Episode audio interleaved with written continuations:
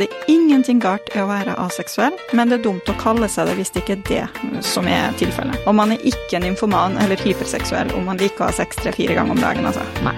Det skal mye mer til. Hadde vært brent på bålet, vi, Tone. Ja, vi hadde vært brent på bålet, rett og slett. Klimaks får du av nytelse.no. Sexleketøy på nett.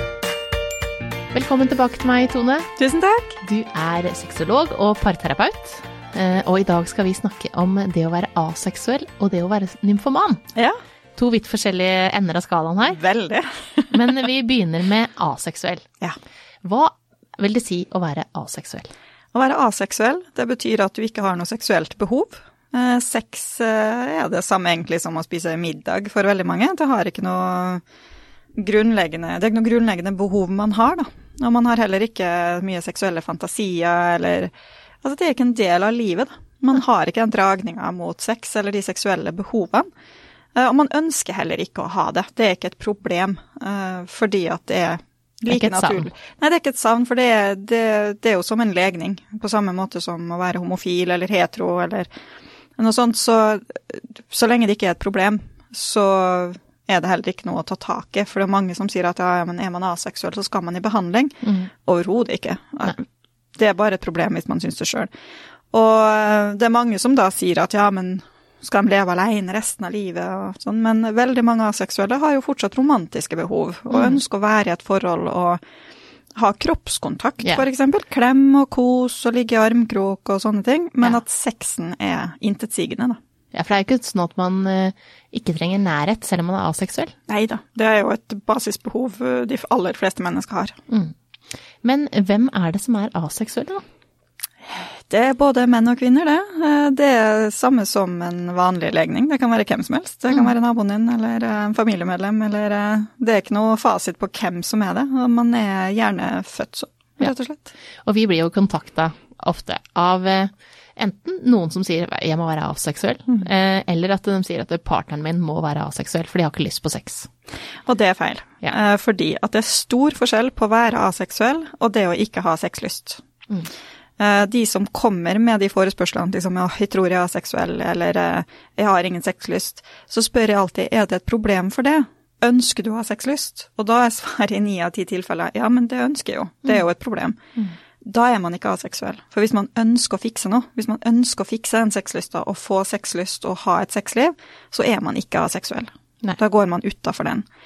Jeg har fått spørsmål om man kan være aseksuell hvis man har seksuelle fantasier. Mm. Og det er en, en sånn gråsone, for det Jeg tenker at det er litt som å være bifil, da, hvis man skal sette et eh, ord på det. At eh, ja, man kan være aseksuell og ha seksuelle fantasier, men så spørs det blir du tent av de seksuelle fantasiene. Og da er det mange som sier at nei, egentlig ikke. Og fantasier er jo noe alle har. Eh, ikke nødvendigvis seksuelle, men hjernen jobber jo. Så det er ikke noe rent fasitsvar her på hva som er rett og galt, og hva som er hva. Men hvis du ønsker å fikse et problem, og at du ser på det som et problem, så er du ikke aseksuell. Nei. Så du er født aseksuell, det er ikke sånn at du plutselig blir aseksuell? Nei. Nei. Men det er jo, det er jo noen som tenker Altså, det her er jo fryktelig vanskelige spørsmål, egentlig, fordi at noen mener jo at man kan være det i perioder.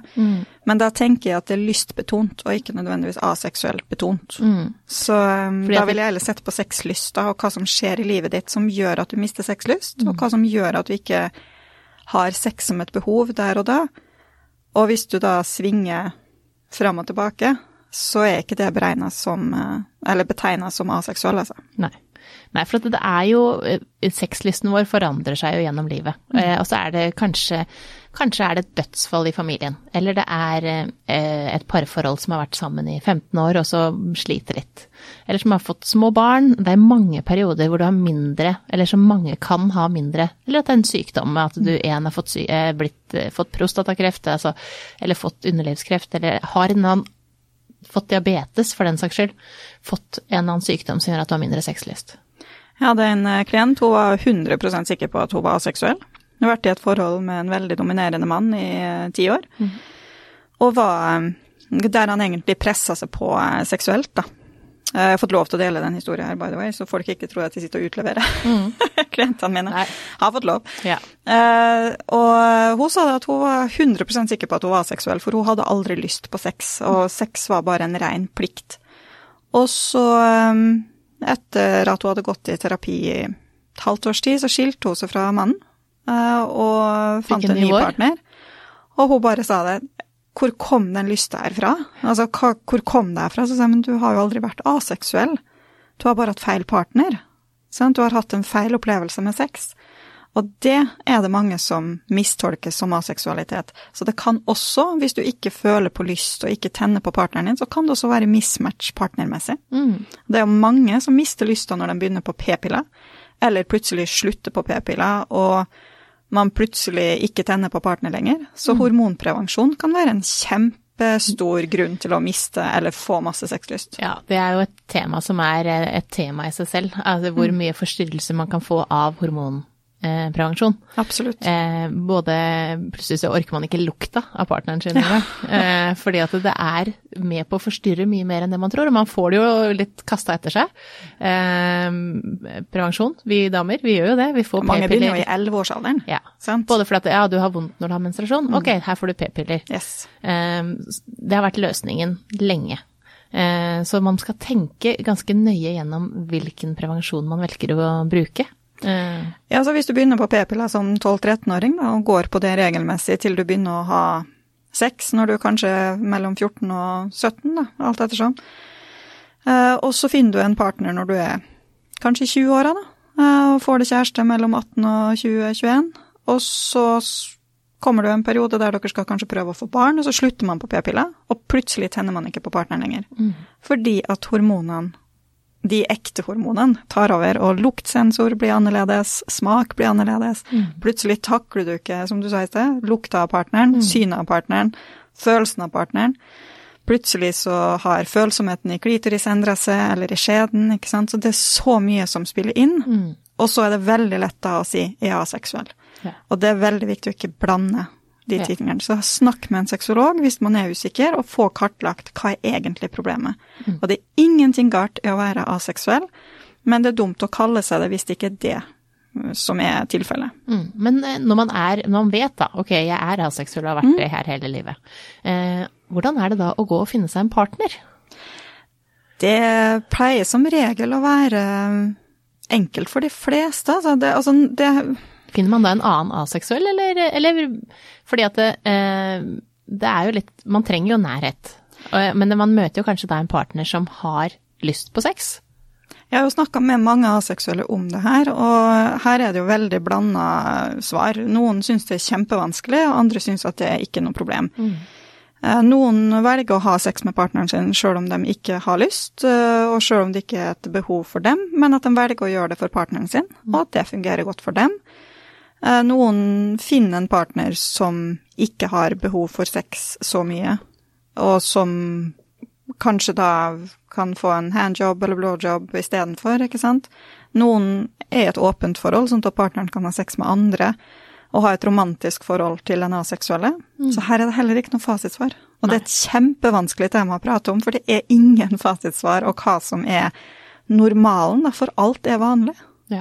For det er jo litt sånn hvordan lever man i et forhold med noen som er aseksuelle.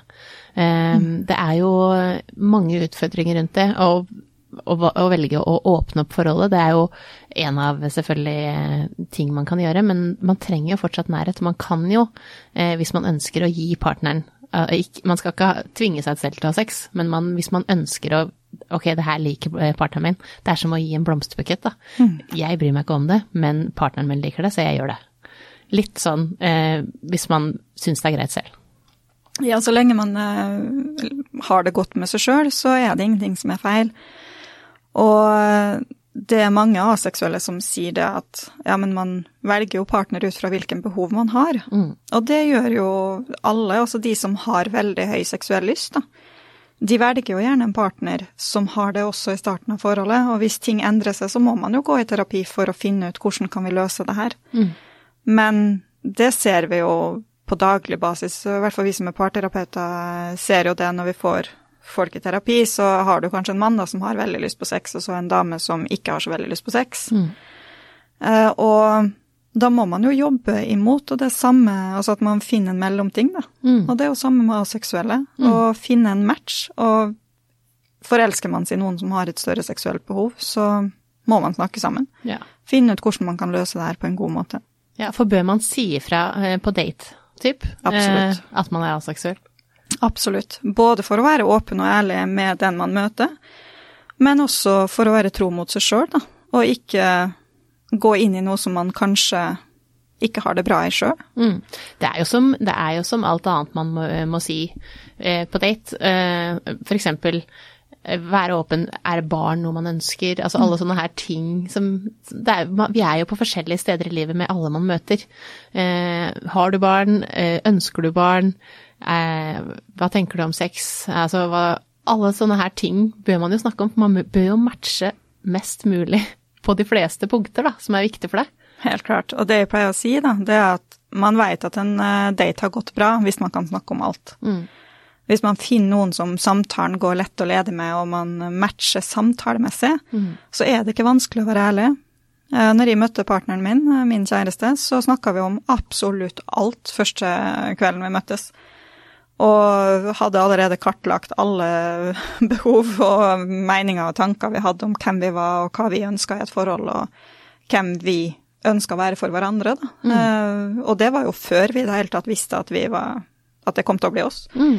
Så jeg tenker at på date, jo, jo lettere praten går, og jo mer ærlig man tør å være, jo bedre match er det. Mm. Og hvis man da finner ut at man har forskjellige behov, så er man jo ikke meant to be. Nei. Sant? Og det, da er det andre fisk i havet. Det fins eh, flere der ute. Yes. Eh, og over til noen som man kanskje ikke da passer så godt med som aseksuell, det er eh, det som er nymfoman. Hva er det å være nymfoman, Tone? Nymfoman det er et sånt skjellsord mot eh, de som er veldig glad i sex, eh, først og fremst. Ja. Eh, og nymfoman kommer jo fra det gamle Hellas, nymfomani. For nymfene der var jo veldig sånn flotte, overnaturlige vesen som gudene elska å ha sex med. Og eh, som var litt sånn teasers. De valgte hvem de ville ha sex med, og var veldig sånn attråverdig, hadde høy sexlyst. På 1800-tallet så kom nymfomani som en diagnose, og da selvfølgelig særlig mot kvinner, som eh, hadde høyere seksuell lyst enn det som var samfunnsmessig Helt godkjent. vanlige damer. Understreker det. Yes, helt vanlige damer. Men fortsatt Og, er det jo litt sånn, er du ikke enig i det at du Det er et skjellsord. Det er litt sånn, du må være nymfoman, for du er så opptatt av sex. Eller, Det har Eh, jeg hørt så mange ganger. ja, jeg òg. Det Og eh, jeg er ikke nymfoman. Eh, så hva er det å være nymfoman? Vi bryter inn i sendingen med en viktig melding. Kun én av ti nordmenn er fornøyd med sexlivet sitt. Bare 10% altså. Det vil vi i nytelse.no gjøre noe med.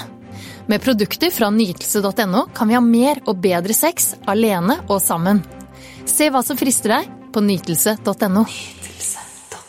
Så hva er det å være nymfoman? Altså, man uh, bruker jo ikke ordet nymfoman faglig nå lenger, det er jo hyperseksuell. Og det er jo på mange måter en diagnose, for å være hyperseksuell, da er det noen nerve eh, signaler skulle til, som gjør at du har behov for å ha sex hele tida, og kanskje onanere ekstremt mye, da.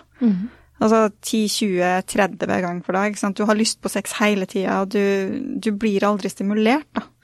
Så hyperseksualitet, det må man jo snakke med eventuelt lege eller eh, en sexolog for å finne ut av hvorfor. Det kan være traumer som har skapt det, det kan være noe psykologisk, det kan være fysiologisk. Så hyperseksualitet bør jo undersøkes og snakkes om. Men det å slenge ut eh, ordet nymfoman mot særlig kvinner da, som er glad i sex, det må vi slutte med. Altså ærlig talt. Kvinner har like mye sexlyst som menn, og man er ikke nymfoman eller hyperseksuell om man liker å ha sex tre-fire ganger om dagen, altså. Nei. Det skal mye mer til. Men eh, eh, man hører jo stadig om eh, særlig sånn kjendiser da, som er sexavhengig. Er det det samme? Nei. Det er ikke det samme. Eh, altså, noen trekker jo paralleller til hyperseksualitet og eh, sexavhengighet, men eh, sexavhengighet trenger ikke å være det at du ønsker å ha masse sex hele tida. Eh, men det kan være at eh, det tar overhånd, at du tenker på sex hele tida. Eh, du greier ikke å holde det trofast, for eksempel, fordi at du hele tida craver noe nytt, da, noe annet, en annen partner. Ikke fordi at partneren din ikke er bra nok, men fordi at du hele tida trenger den rusen da, som en ny flørt eller en ny sexpartner gir. Så sexavhengighet er jo avhengighet på samme måte som alkoholisme og narkotikamisbruk. At du har et unaturlig syn på sex, da. Ikke nødvendigvis et unaturlig behov for sex, men et unaturlig syn på sex. Mm. Og det må også behandles på, andre, på samme måte som andre avhengigheter. Ja. Um, så det er altså da eh, Det er ikke sånn at det, man er nymfoman selv om man har lyst på mye sex, og selv om man er glad i sex. Nei da, overhodet ikke. Nei. Eh, er man født nymfoman? Altså, nå heter det ikke nymfoman, men hyperseksuell? Det er veldig, veldig veldig delte meninger om. Eh, Noen sier at ja, det er man, mens noen eh, sier at nei, det er man ikke, og at det er ting som trigger det. Så her er det ikke noe spesifikk forskning som sier enten fra eller til. Hvis man føler at man har et unaturlig forhold til sex, så snakk med fastlegen, snakk med en sexolog, snakk med en psykolog. Altså, snakk med noen som kan om det her. Eh, virkelig. Men hvis du har lyst på sex tre-fire ganger om dagen, så er ikke det skadelig så lenge det ikke går utover familieliv, arbeidsliv, forhold. For man kan fint ha eh, lyst på sex flere ganger for dag og fungere helt fint. At man blir tent og tenker åh, nå skulle jeg hatt lyst på sex. Og så legger det seg igjen. Mens for de som det da tar overhånd for at de må avbryte jobben for å gå og onanere, eller at de er nødt til å ha sex fordi at de greier ikke å tenke på noe annet enn at nå trenger sex med noen, da er det jo et problem. Så så lenge det ikke påvirker livet ditt negativt, så har du ikke et problem. Nei. Det er Så jo det- som andre, altså som eksempel pornoavhengighet. Eh, altså hvis du gjør det i unaturlige settinger, når du har besøk, så må du gå opp og kjapt gå opp og se på en liten pornosnurr. Eller hvis du ser på porno når du kjører bil, eller hvis du trenger å se på porno når du er på byen, eller eh, hvis du trenger porno foran deg når du har sex med partneren din, da kan vi snakke avhengighet. Og det er litt der å være veldig forsiktig, for avhengighet, det kastes veldig fort ut. Eh, Jeg har klienter som kommer og sier at partneren min er pornoavhengig, han ser porno hver dag. Jeg sier sånn, ja, men fungerer han? Ja, ja, men han ser porno hver dag. Ok, og så kartlegger vi litt, og så sier jeg, men det er jo ikke pornoavhengighet, fordi at å se ti minutter porno hver dag, eller en halvtime porno hver dag, er ikke det samme som pornoavhengighet. Hvis du har runda Pornhub og RedTube og alle de der, og, at de, og runda det flere ganger, da kan man jo kanskje begynne å se på at det er et problem. Ja, og så er det jo forskjell eh, hvor mye tid man har. I perioder så kan det jo føles sånn som du har runda nå. Ja, Men- så det, det er det å, hvis du skal avbryte hverdagslige oppgaver for å måtte ha sex, eller fordi at du må se porno, da er det et problem. Men nymfomani, det slenges veldig fort ut som et skjellsord, og det misbrukes grovt for de som har god sexlyst. Ja, da høres det nesten negativt ut å ha sexlyst. Altså, du er en gris eller en kåting. Altså, du er liksom Du er ikke noe Du er på en måte litt dårligere enn noen andre hvis du har mye sexlyst, og spesielt mot kvinner, da. Eh, at eh, hvis en kvinne har mye sexlyst, så er du gris, eller Ja, du er nymfoman. Ja, du er en nymfoman. Og det, jeg syns det er veldig trist, og som en kvinne som har høy sexlyst, sjøl har jeg kalt, blitt kalt nymfoman i alle år, og det syns jeg er veldig trist, for at jeg tar meg ikke nær av det, men jeg tenker hvor dårlig syn har vi ikke da på kvinners seksualitet? For vi hører jo om alle de kvinnene som sliter med sexlyst, sliter med orgasme, sliter med å ønske å ha sex med partneren sin, og så skal vi da som Som har lyst. som har lyst, og som ikke har noen problemer med det, så skal vi stemples som sånne crazy, gærne kvinnfolk som helt unormale. Hadde vært brent på bålet, vi, Tone. Ja, vi hadde vært brent på bålet, rett og slett. Så her må vi bare ta grep, altså. Ja. Og bruke nymfomane der du hører hjemme, og det gamle Hellas. Ja, så vi trenger ikke å snakke om det lenger.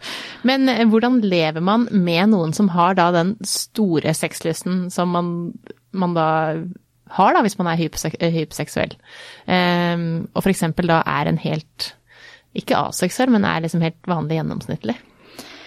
Altså det, som sagt, hvis det påvirker livet, så må jo den som er hyperseksuell i behandling, uh, og få funnet ut av det her. Så for å komme ned på normalt nivå, da, eh, der det ikke ødelegger hverdagen lenger, og ikke tar overhånd og går utover jobb og familie og alt det her.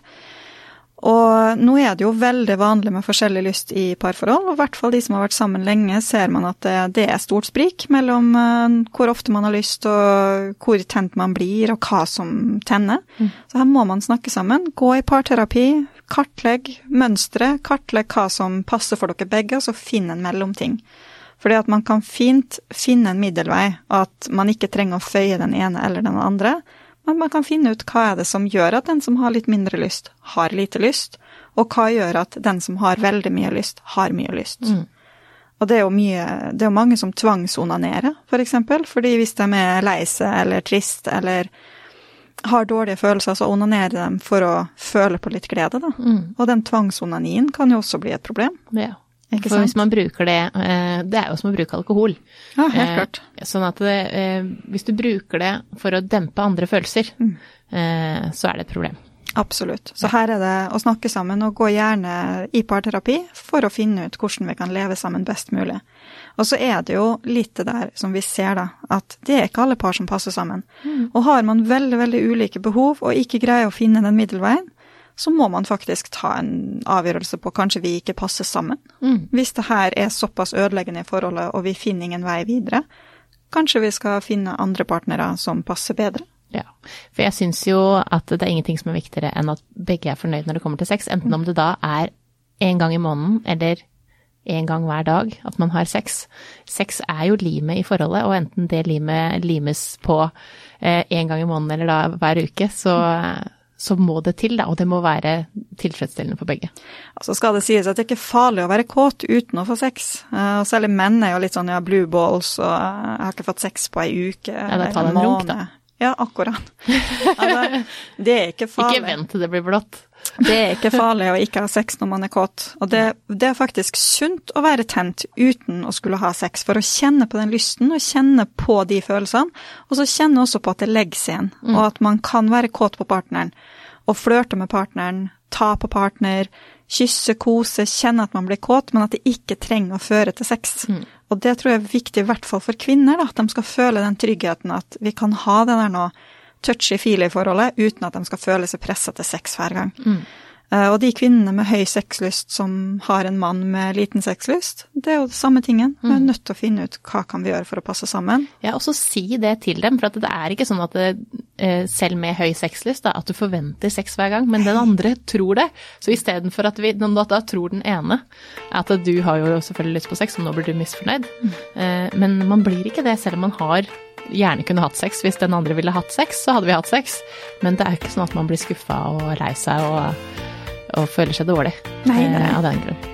Så finn en gyllen middelvei. Mm, absolutt. Det er det beste. Takk for at du kom, Tone. Klimaks fikk du av nytelse.no. Sexleketøy på nett. Maria, du kjenner den følelsen når du bestiller sexleketøy på nett, og så har du egentlig lyst til å bruke det med en gang. Ja, herregud. Altså, Hver gang så sitter jeg og oppdaterer tracking status på pakken, og vil gjerne ha det samme dag. Og nå kan vi faktisk det. Ja, det kan du. Med Porterbuddy så kan du bestille før klokka tolv, og så har du pakken hjemme eh, hos deg på ettermiddagen. Det er jo helt nydelig, for da kan man glede seg. Og man trenger ikke å glede seg i mange dager engang. Du har det, og du kan bare lene deg tilbake og nyte ditt nyinnkjøpte sexleketøy allerede samme dag. Dette gjelder jo da i store deler av Østlandet og rundt de største byene. Så da er det bare å klikke seg inn og kjøpe seg det leketøyet man har lyst på, og nyte dagen, resten av dagen på jobb, og så glede seg til man kommer hjem. Yes.